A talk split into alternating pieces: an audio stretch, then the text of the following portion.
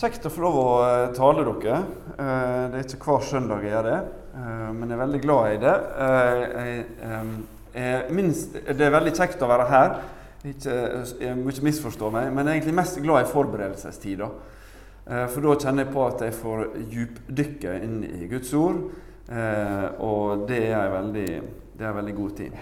Har dere hørt om Frelsesarmeen? Ja? Har du tenkt av og til på hvorfor i all vide verden kalte de det for en armé?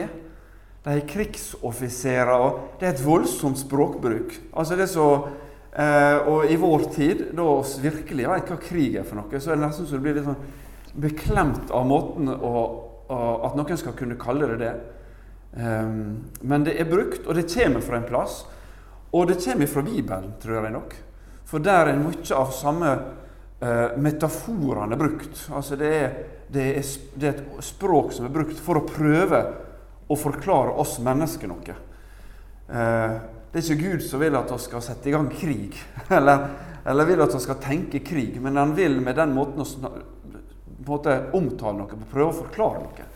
Så når vi skal inn og snakke om Guds rike, så er det også en, en, det er mye, det er noen språklige ting som på en måte skal bli prøvd og forklart.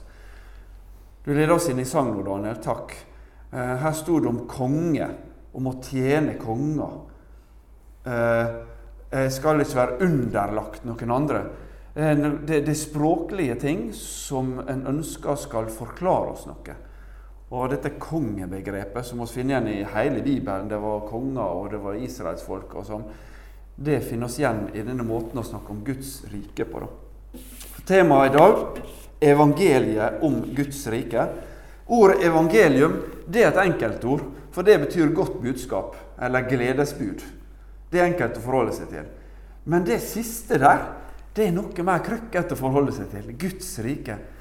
Det er akkurat som om du Ordet er jo ikke vanskelig i seg sjøl, men det er vanskelig å gripe innholdet på dem. Og det skal vi prøve å grave litt i. eh, finne ut av hva det kan være for noe. Eh, uansett hva jeg dukker opp i å si, så prøv å holde fast ved det første. For det er når Jesus snakker om det, sånn han er sitert i Bibelen, så sier han evangeliet om Guds rike. Altså det er et godt budskap. Det som dukker opp om, når det blir snakka om evangeliet om Guds rike, så er det snakk om et evangelium, altså det er et godt budskap. Og det har jeg lyst til å prøve å formidle til dere. Godheten. Hva, hva er det for noe? For det er et godt budskap. Eh, Så skal vi lese sammen noen tekster i Bibelen. Noen eh, fem korte tekster. Det er egentlig fem helt selvstendige fortellinger. Men det er noen av de minst korteste fortellingene som fins. Og det er når eh, Jesus forteller liknelser. Ligninger. Lignelser. Likninger. Det var, fire varianter. To av dem er nynorsk bokmål, andre var ikke rett. Eh, men det er greit. Han forteller lignelser. altså Han prøver å forklare noe som er vanskelig, med å ta ord ifra samtida som de hadde rundt seg, for å prøve å forklare det. Eh, er det noen som drar kjensel på noe av det her? Noen som er glad i å gå på fjellturer? Noen som kjenner igjen noe av det? Åndalsrocken er ikke der, tror jeg. Eller han kan være den i bakgrunnen. Nei, jeg tror ikke det. Eh, hæ? Slogen er der, ja. Hvor er slogen? Nede til høyre. Dette er slogen, ja. Det er helt rett. Det som er det underlige, vet du hva det er? Det er slogen alle sammen. Ja, det er faktisk det. Det er slogen. Det er bare det at det, eh, hvis du plasserer deg én plass på slogen, så kan jeg beskrive hvordan den ser ut. Men står jeg en helt annen plass, så blir det en helt annen beskrivelse. Og plasserer du fem mennesker rundt dette digre fjellet på forskjellige plasser og ber dem forklare toppen eller fjellet, så er det nok summen av det de sier, som mest sannsynlig gir en beskrivelse av fjellet. Det er så stort. Du, kan ikke bare beskrive fra én side. Det tror jeg er grunnen til at Jesus, når han skulle forklare om Guds rike Det er så stort, det er så vanskelig på en måte å catche hva det er for noe, at han forklarte i en likning til dem. Og så drog han på direkten til og forklarte enda en likning til dem. Og så kjørte han på med en Dere skal få høre fem av dem. Okay? Fem liknelser som på hver sin måte gir et perspektiv på hva Guds rike er for noe.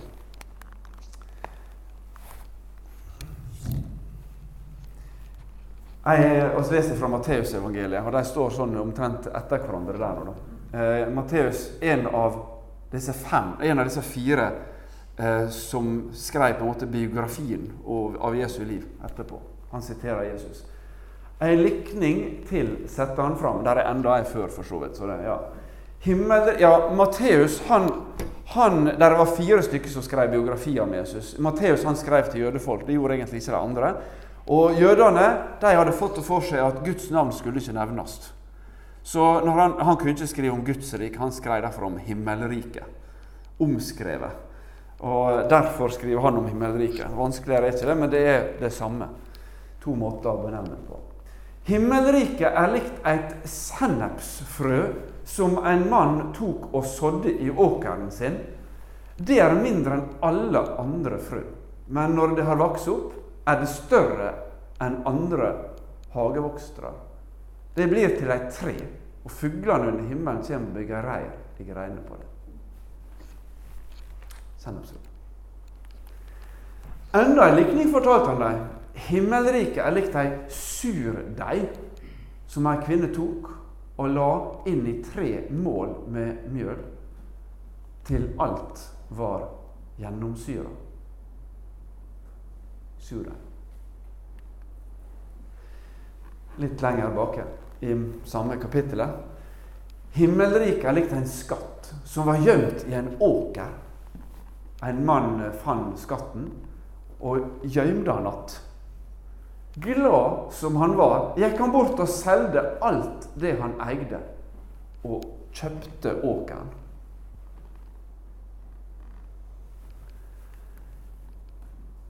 Perler. Likeens er himmelriket likt med en kjøpmann som leita etter vakre perler.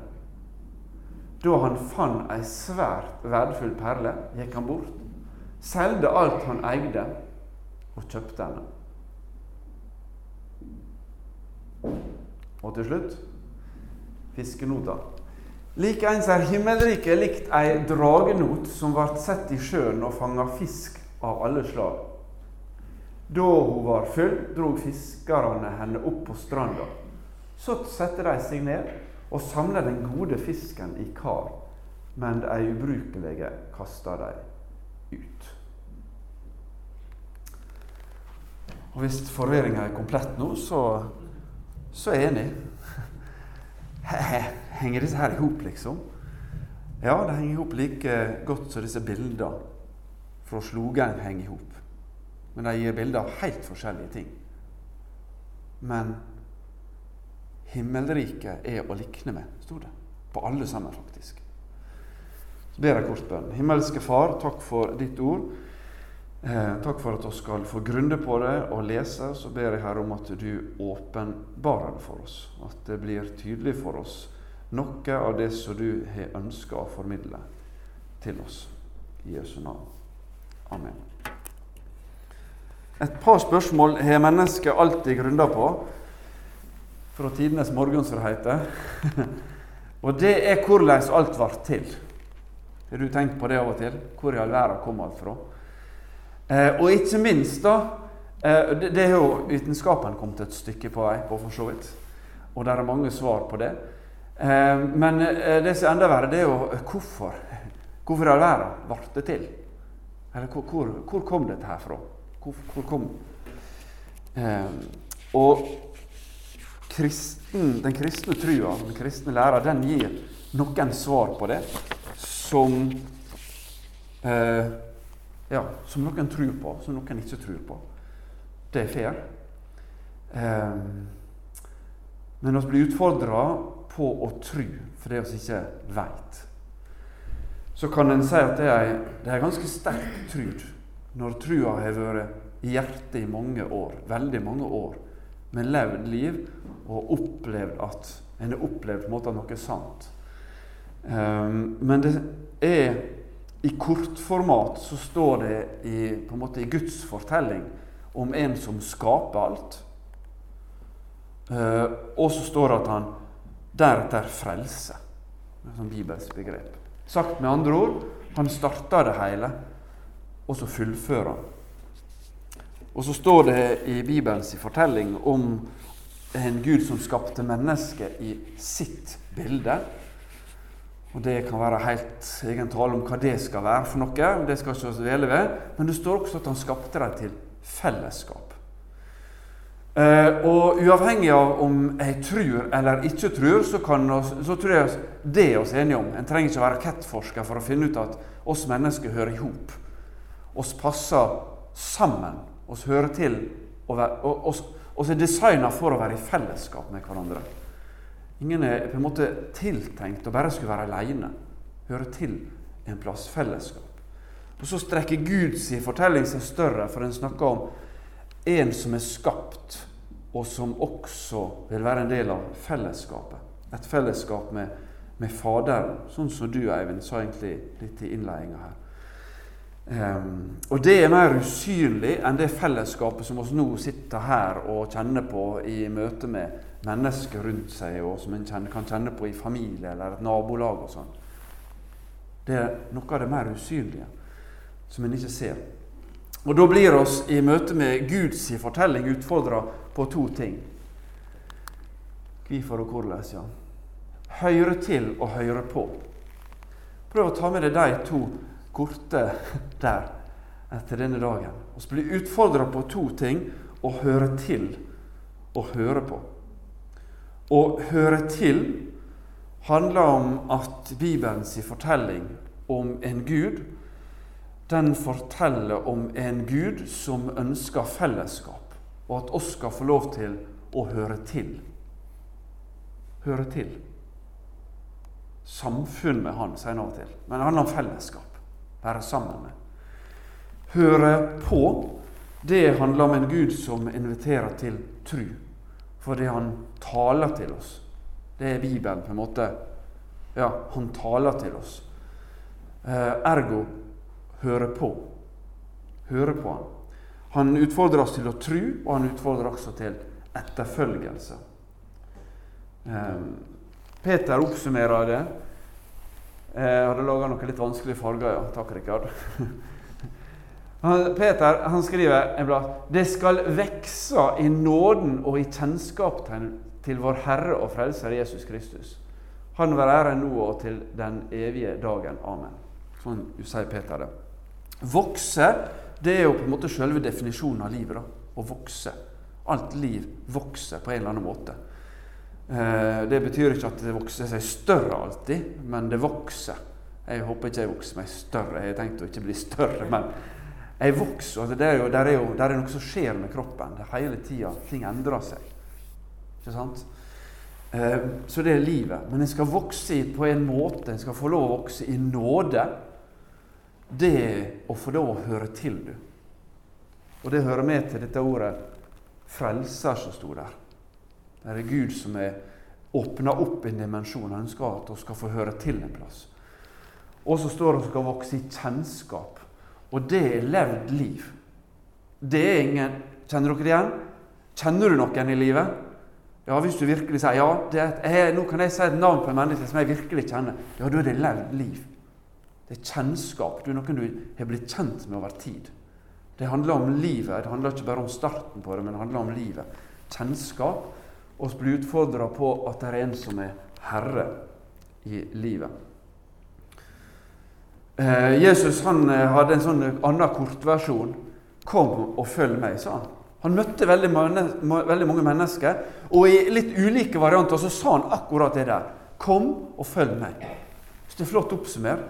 For i det han sier 'kom', så sa han det er en invitasjon. ikke sant? Kom.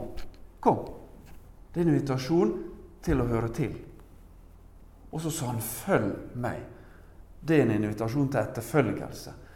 Eh, og Jesus utfordra ikke bare til fysisk etterfølgelse. Selv om han hadde tolv stykker som for og tusla etter han, disipler, så utfordra han på å følge han i noe som var større.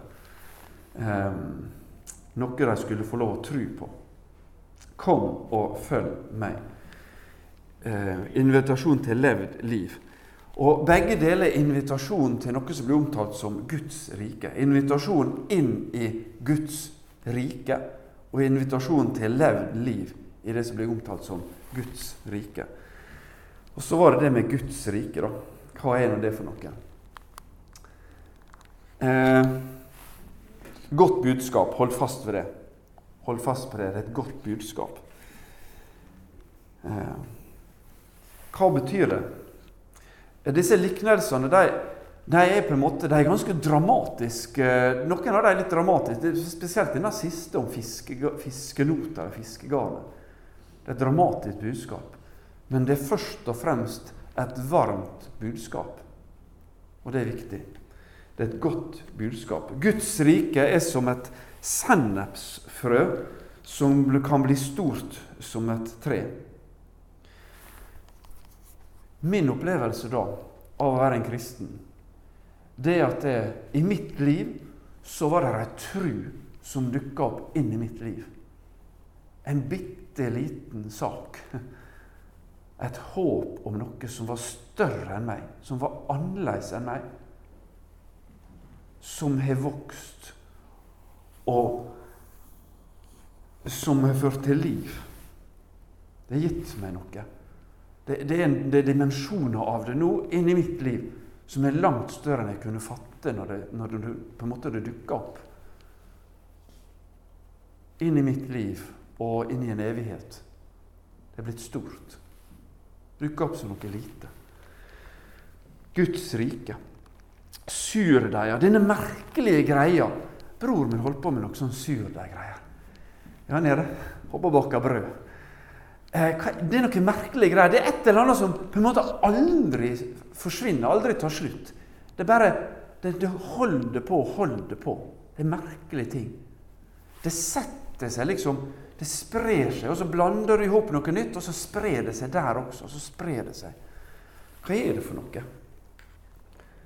Det er slik som jeg opplever trua og håpet i mitt liv. Den, den er der alltid den tar ikke slutt. Midt i all min tvil. For det er selvsagt er det. Der det er tru, der det er også tvil. Midt i alt som jeg ikke forstår. Der er ett og annet jeg forstår når jeg leser Bibelen, og det er sannelig godt. og gleder meg. Amen, tenker jeg. Men der er også ting jeg ikke forstår. Midt i alt det så er det i mitt liv ei tru som bare Den er der. Den er der. Så møter jeg nye ting i livet. Det kommer, ny, det kommer nytt mjøl og vann og ho og hen. Altså, hvis du holder bildet, det dukker opp nye ting. Men trua bare, den er der. En trygghet. Guds rike er som skatten som tilfeldigvis ble funnet i åkeren. For det var ganske tilfeldig, så du, som innen likninga der. Og så var det som denne perla for han som hadde tydeligvis vært leita over tid og funnet denne perla. Det er en skatt. Det er noe veldig verdifullt. Det er min opplevelse også av trua som jeg har her. Av håpet som jeg har fått i mitt liv. For noen av oss så dukka det tilfeldig opp en dag. En ble bare slått i at det, hva, hva var det jeg kom borti nå? Med han som dukka opp i denne skatten i åkeren. Sopa det i hop og for og kjøpte åkeren, liksom. Dette var verdt å dette var verdt å gi alt for, faktisk. Og For noen så har en leita gjennom livet. En har leita etter mening, en har leita etter Hva er dette her for noe? De to fortellingene er nydelige i lag, for begge forteller at det er noe, det er noe som er verdt å finne. Det er gledens budskap med ganske store konsekvenser. Denne siste likninga om fiskenota den er dramatisk. For det er det snakker om at det blir fiska i noe, og så er det gode fisker, og så er det noe som blir lagt til side. Um, Gud tvinger ingen inn i et fellesskap. Han inviterer. Det er det gode budskapet. Men det er intuitivt logisk dere, at når vi en gang blir snakka om et fellesskap, så er det også et utenforskap. Ikke sant? Um, han inviterer oss frivillig inn til et fellesskap med Faderen gjennom det å tro. Ehm. hva, får en ut av det? Eh, min opplevelse er at jeg får et opplevd fellesskap med andre som tror. Og det er en sterk dimensjon i livet. Også og så er det fellesskapet med Skaperen. Det kjenner jeg også som en sterk, sterk dimensjon i livet. Og så medfører det seg at jeg, min opplevelse er at jeg starter på noe som blir i Bibelen omtalt som det evige livet. Ja, Det er også en stor ting. Så er viljen fri også til å velge vekk, eller å velge det. Og Når Gud omtaler fellesskapet med seg, så snakker han om liv, han snakker om lys. Og så snakker han om utenforskapet som noe som er Da, da bruker han begrep som død og mørke. Så Sånn sett så er det et veldig dramatisk budskap. Det er et veldig sterkt budskap. Men Guds intensjon med å prøve å forklare det, det er å nå ut med et godt budskap, med en invitasjon høre til. Hun skal få lov til å høre til. Hun skal få lov til å høre på. Trua mi, den kommer at jeg hører. Og livet mitt kan få hvile i at jeg hører til. Guds rike. Jeg sa litt om det til å begynne med. Det er noe sånn, hva, hva er det? Kan det sammenlignes med Norges kongerike? Norge det er også et rike, ikke sant? Eller for ikke å snakke om det britiske. Det er jo mer i tida nå, da. Med pomp og prakt og, hjelpe meg. Det er ikke småtteri eh, å få se fra dette britiske monarkiet for tida. Eh, det er også et rike. Er det, er det noe som er likt? Eh, hvorfor blir, dette, hvorfor, hvorfor blir, akkurat den metaforen brukt? Dette bildet på at, det, at dette fellesskapet med, med Gud skal være et rike. Ja, et rike har grenser. Eh, det er også en tydelig betegnelse på innafor, utafor, som er et dramatisk bilde, for så vidt. Ehm, men det er ikke landegrense på den måten. Det er på en annen måte. Eh, et, et rike har lover, og se Norges lover. Det er ganske tjukke blekker. Der står det beskrevet, beskrevet hva er det som gjelder her. Eh, og I et annet land så er det andre lover. Et annet rike har et annet lovverk å forholde seg til. Har Guds rike også lovverk? Ja, faktisk. En kan lese ut av Bibelen. Det står om livets åndslov, faktisk. Og så trer Gud på sida utafor det, og så skriver han om syndens og dødens lov. Som noe som oss i utgangspunktet på en måte er satt under. Det er ikke alle som oss som tenker på at det, eh, ja, det med synd det er et eh, begrep som henger på forståelsen av trua på Gud. ikke sant? Men vi kan registrere iallfall nøkternt rundt oss at det er ikke alt som er godt. Og det andre vi kan registrere, det er at mennesket har en tendens til å dø til slutt. Det er vi alle, alle, enige om.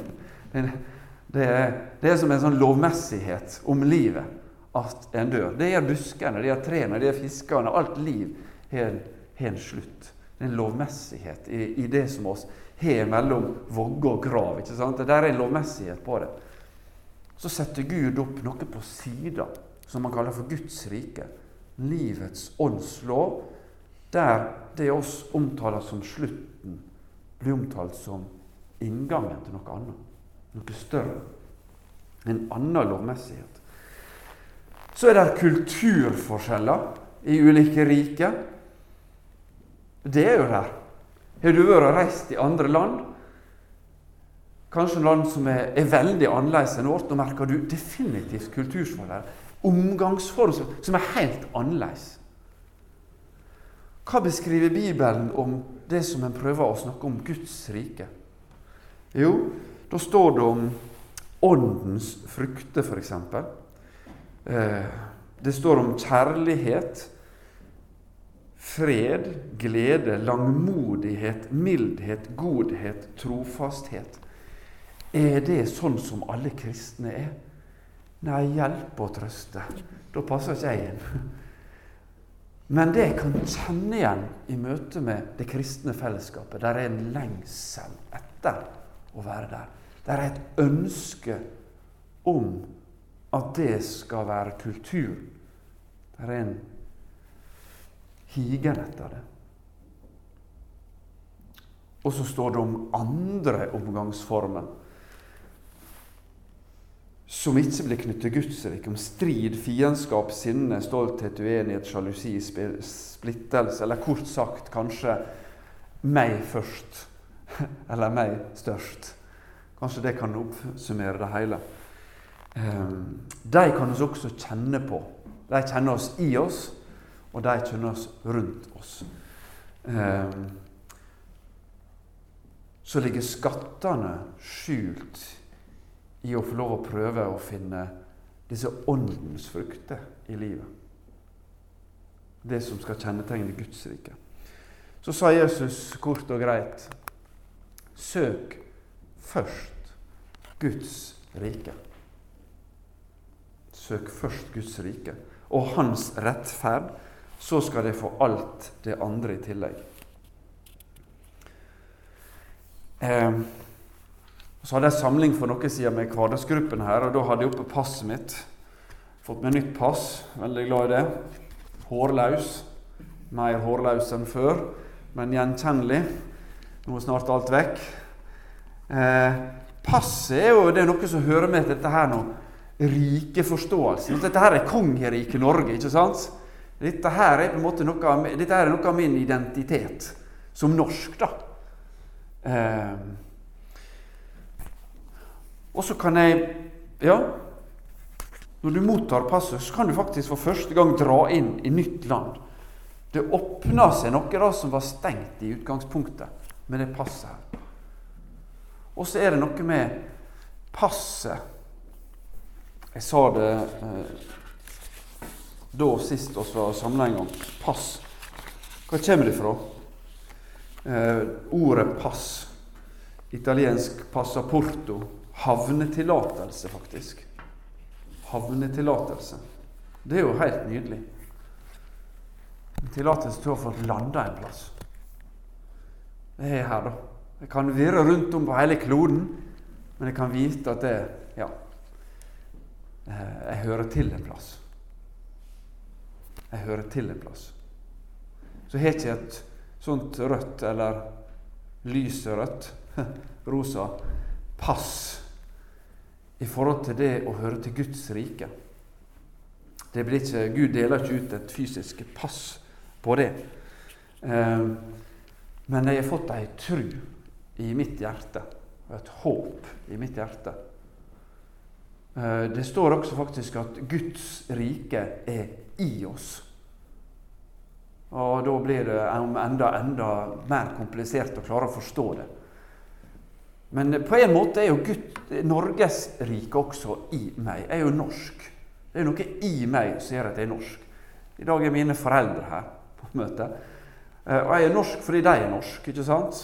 Det er derfor jeg havner opp med et norsk statsborgerskap. Det ligger på en måte i slekta, det der å være norsk da for oss. Nå er det heldigvis mulig å være norsk. Dette her er ikke en tale mot innvandring. På ingen måte. Heldigvis. Men det er noe med grunnprinsippet da, for å prøve å forstå dette med, med nasjonalitet, eller staten. Dette her med uh, et rike. Hva er det for noe? Når Gud inviterer til sitt rike, så inviterer han inn til noe. Tilhørighet til noe. Du skal få høre til en plass. Og du får høre til i et fellesskap. Jeg hører til sammen med andre da, som er norsk. Ja. Eh, fellesskap. Et gledens budskap er det. Eh, så vil noen kunne si nei, vet du, dette her høres ikke ut som det er noe for meg. Eh, dette er Guds rike. Jeg tror ikke jeg passer inn i dette her nå som du skisserer som en sånn perfekt verden.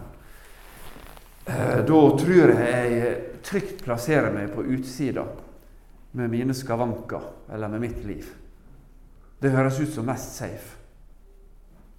Og til det vil jeg si at det høres ut som en som er Det høres ut som om, om en sjuk sier at 'jeg kan ikke eh, motta legehjelp, for jeg er for sjuk'.